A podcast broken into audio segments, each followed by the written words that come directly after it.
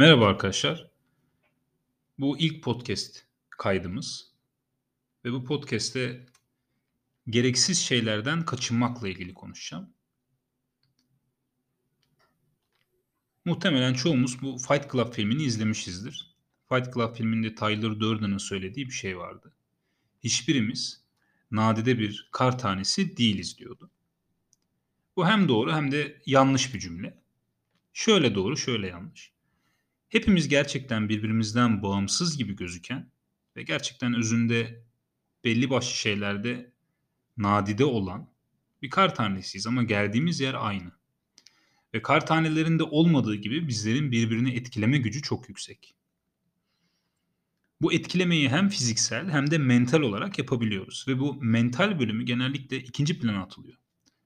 Halbuki bazı durumlarda bu psikolojik etkiler men fiziksel etkilerden daha bile yoğun, daha bile hasar bırakıcı olabilir.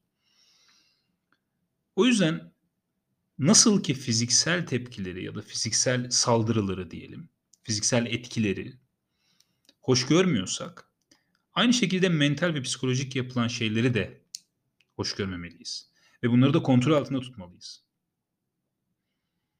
Örneğin hepimizin başına gelmiştir. Sevdiğimiz insanlar bizim yaptığımız bazı eylemleri onaylamazlar. Bunların yanlış olduğunu bize söylerler. Biz de genellikle öfkeleniriz ya da hoşnut olmayız bu durumdan. Şimdi ilk tepkimiz çok normaldir. Çünkü tırnak içinde kendimizi özgür gördüğümüz için istediğimizi yapma, yapmak istiyoruz yani. Tabii bize hepimize çocukken anlattılar. Özgürlük dediğimiz şey başkalarının hakkına girmedikten sonra serbest, istediğini yapabiliyorsun. Ama yapamıyoruz genelde. Çünkü bireysel yaşayan bir varlık değiliz tam olarak. İnsan sosyal bir varlık. Özellikle stoacılık bunu çok vurgular. İnsan toplumsal bir varlık yani. Ve birbirimiz için varız diyor. Markus'un sözü var. İnsan insan içindir diyor. Şimdi o yüzden bir yardım mesela bizim ülkemizde çok vardır. Yani yardımlaşmayı çok seviyoruz. Herkese yardım etmek istiyoruz. Çünkü yanlış bir şey yaptığını düşündüğümüz insana doğrusunu söylemek ve onu doğruya ittirmek istiyoruz. Bu ne kadar doğru? Tartışılır. Mesela basit bir örnek verdim. Yaptığımız şeyi onaylamayan sevdiklerimiz bize yardım etmek isteseler bile biz onlara karşı koyuyoruz. Tabii oturup biraz düşünebilirsek şunun farkına varacağız rahatlıkla. Ya onlar da aslında bizim iyiliğimizi istiyorlar. Ama gördüğünüz gibi aslında o yetmiyor bizim için. Yani bizi mutlu etmiyor mesela ve tam tersi mutsuz edebiliyor. Tabii yardımlaşma işi biraz enteresan. Örneğin Jordan Peterson bu psikolog çok sevdiğim bir lafı var. Yardım istemeyen insana yardım etme diyor. Ve yardım isteyen insana da yardım ederken çok dikkatli ol, iyi düşün diyor. Bu doğru aslında. Tabii orada yardım etmemek gibi görmeyelim bunu. Belli ede de yardım etmek diyelim. Yani sen yanlış yapıyorsun. Böyle bu bir yardım değil. Ya da bir çocuğun bir yere mesela bir sandalye çıkmasını, o mücadelesini görüp ona işte elinle destek vermek o da bir yardım değil aslında. Yani bunlar tam olarak yardım olarak geçmiyor. Peterson söyledi büyük ihtimalle böyle zaten. Çünkü biz bazı başka insanları kurtarmaya çalışıyoruz. O düştükleri, bize göre düştükleri karanlıktan onları çıkarmaya çalışıyoruz. Ama bu bizim acaba hakkımız mı? Ya da bizim özgürlük tanımımıza bu uyuyor mu? Yani biz bunu yapmak için özgür müyüz? Karşımızdakinin hakkına giriyor olmuyor muyuz? Bu üstüne düşünmesi gereken bir şey. Ancak biz bu detaya girmeden şunu diyelim. Ya biz yardım ediyoruz diye acaba karşımızdakinin canını sıkıyor olabilir miyiz?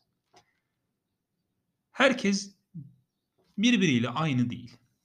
Yani siz bir şeyler düşünüyorsunuz. Bunu bir paket haline cümleler, kelimelerle birleştirip bir cümle haline getiriyorsunuz. Paket oluyor orada. Ama bu cümle sizin o cümleyi kurana kadar düşündüğünüz şeylerin hepsini açık bir şekilde göstermiyor. O bir sonuç. Yani o yolculuğu anlatmıyorsunuz karşınızdakine. Diyorsunuz ki bu yanlış. Ama karşınızdaki insanın sizin o düşünce sisteminizi bilmediği için ve aynı şeyleri düşünememe olasılığı çok yüksek olduğu için bunu kapasiteyle ilgili söylemiyorum. Düşünemeyebilir. Çünkü tecrübeleri farklı. Belki yaşı farklı, belki yaşadığı yer farklı, kültürü farklı. O yüzden bu sizin söylediğiniz ve aslında ima ettiğiniz şeyi karşınızdaki çok daha farklı anlayabilir. O yüzden genellikle söylediğimiz şeylere çok dikkat etmemiz gerekiyor. Yani bazı insanlar mesela kendini açık sözlü der. Ama acaba o açık sözlülük mü yoksa patavatsızlık mı? Bu önemli bir ayrım. Stoacılık böyle gereksiz konuşmayı çok sevmiyor. Mesela Marcus Aurelius diyor ki her seferinde şunu hatırla. Bu gerekli bir şey mi? Bu hem davranışlarımızla ilgili hem de konuşmalarımızla ilgili. Ve çoğu zaman günlük hayatımızda gereksiz sözler söylüyoruz. Epiktetos'un da bununla ilgili sözleri var. Mesela felsefe yaptığını falan hani ben felsefeyle ilgileniyorum deyip felsefe yapmaya çalışma der. Sessiz çünkü bu başkaları için değil kendimiz için yapılan bir şeydir. Ben öncelikle kendimi kurtarmalıyım ki ondan sonra başkasını kurtarmaya çalışayım. Ama biz hangimiz kendimizi kurtarmışız ki şu aşamada? Bu yardımla ilgili zaten bu kaydın sonunda bir yere bağlayacağım bunu. Daha mantıklı olacak o zaman. Şimdi bu gereksiz sözlerden bahsetmişken tartışma ortamlarını düşünelim. Çoğu zaman mesela ne zaman şöyle şöyle girelim olaya. Ne zaman gereksiz laflar ediyoruz? Mesela yaptığımız tartışmaların %95'i gereksiz. Burada rastgele bir oran verdim tamam mı? Mesela siyasi tartışmalar genelde gereksizdir. Çünkü bizim niyetimiz ya da karşımızdakinin niyeti de aynı şekilde ama onu bilemeyiz. Kendi niyetimizi bilebiliriz. Bizim niyetimiz genellikle karşımızdakini anlamak değil. Bizim derdimiz karşımızdakinin yanlış olduğunu ispatlayıp kendi inandığımızı ona benimsetmek. Bunu nasıl anlayabiliriz? Ya ben böyle düşünmüyorum diyebilirsiniz. Eğer tartışırken sinirleniyorsanız bilin ki kaybettiniz demektir. Bu çok net. Bununla ilgili stoacıların çok lafı var. Çünkü stoacılığa göre gerçekten sakin kalmak en önemli şey. Örneğin Seneca şunu diyor. Bu tartışmayla ilgili çok güzel bir örnek bana sorarsanız. Yarışmaya giren kendisini başkasının rakibi yapar. Kazanmak için de onunla aynı seviyeye gelir. Yani siz aslında beğenmediğiniz görüşlere sahip olan insanla aynı seviyeye geliyorsunuz. Ve Epiktetos'un da şöyle bir lafı var. Diyor ki sizi öfkelendiren sizin efendinizdir. Beğenmediğiniz insanla hem aynı seviyeye geliyorsunuz ondan sonra da onu tepenize çıkarıyorsunuz. Efendiniz haline geliyor. Çünkü sizi öfkelendirebiliyor. Sizin öfkelenmemeniz gerekiyor. Eğer öfkeleniyorsanız demek ki amacınız aslında pek de nasıl diyelim iyi diyemeyiz onu ama pek de karşımızdaki için değilmiş. Aslında bizim içinmiş biraz. Yani ben kendimi tatmin etmek için o tartışmaya giriyorum. Kendi safıma birini almak için. Aksi takdirde sinirlenmezdik çünkü. Buraya dikkat etmek gerekiyor. O halde bu tartışmalar gereksiz tartışmalar. Peki biz eğer öfkelenmekten kaçınmak istiyorsak, canımızın sıkılmasından kaçınmak istiyorsak, kaçınmak belki doğru bir kelime değil ama bunları istemiyorsak hayatımızda, o halde direkt olarak bu gereksiz insanlardan, gereksiz tartışmalardan uzak durmamız gerekiyor. Ve bunun için en önemli şey gereksiz eylemlerden ve gereksiz konuşmalardan kaçmak. Bunları yapmayacağız. Bunun bir sonraki aşaması gereksiz düşünceler tabii. Ama başka bir konu. Şimdi bazı durumlar var. Bundan kaçamıyoruz. Yani bazı durumlarda kaçınabiliyoruz. Ama bazı öyle durumlar oluyor ki bu saldırılara diyelim, psikolojik saldırılara, aynı bizim öfkelendiğimiz gibi bize öfkelenen insanlara maruz kalacağız. Bu durumlar bir eğitim gibi görülmeli. Stoacılık böyle söylüyor. Stoacılıkta hatta Seneca'nın sözü var. Başına hiçbir talihsizlik gelmeyen insana ben diyor üzülürüm diyor. Çünkü kendi kapasitesinin farkına varamamıştır. Zira bizim yaşarken karşımıza çıkan bu zorluklar ve bunlarla yaptığımız mücadele de bir başarıdır. Bunların altında ezilmemek, bunların altında bunları gördükten sonra vazgeçmemek bunlar birer başarıdır. Ancak bunlarla ilgili genel bir şey önerirsek eğer kendimize vakit ayırmamız gerekiyor. Kendimize şöyle vakit ayırmamız gerekiyor. Oturup sakince bu stoacı öğretiler ya da size iyi gelen doğru sözlere vakit ayırmamız gerekiyor. Bunları kendimize tekrar etmemiz gerekiyor. Çünkü bunlar bir kere okuyup ben bu işi çözdüm ya da bir kere duyup ben tamam anladım artık böyleyim diye, diyebileceğimiz bir şey değil. Oturup bu konular üstüne düşünmemiz lazım. Bunlara meditasyon deniyor aslında. Yani meditasyon dediğimiz şey üst benliğimize ulaşmak için yaptığımız bir eylem falan değil aslında. Meditasyon dediğimiz şey düşünmek, odaklanma gücümüzü arttırmak, bir zihin egzersizi. Bununla ilgili başka bir konuşma yapacağım zaten.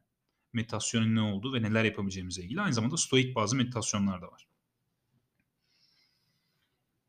O halde şöyle sonlandıralım.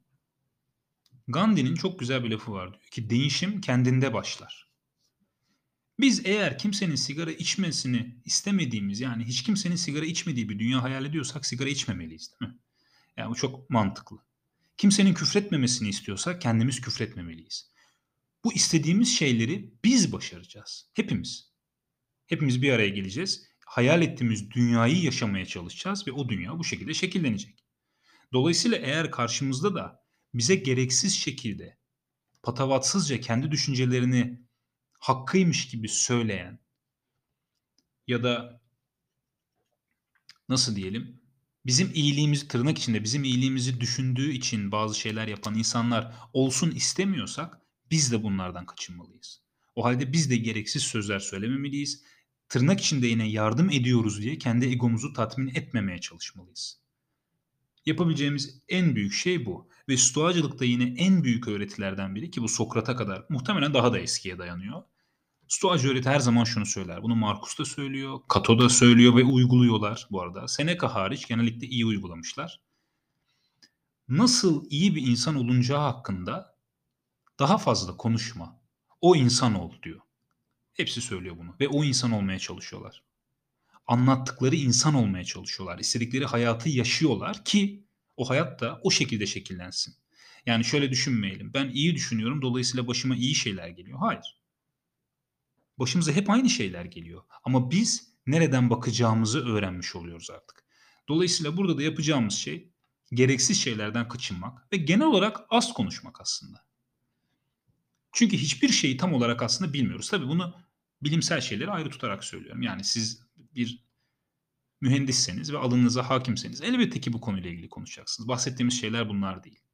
Ama bazen insanların kendilerini iyi hissetmeleri için başka birinin onlara kötü hissettiklerini söylemeleri iyi gelmiyor. Bu olmuyor. O yüzden biz doğru bildiğimiz hayatı yaşamaya ve inandığımız şeyleri hayatımıza uyarlamaya özen göstermeliyiz.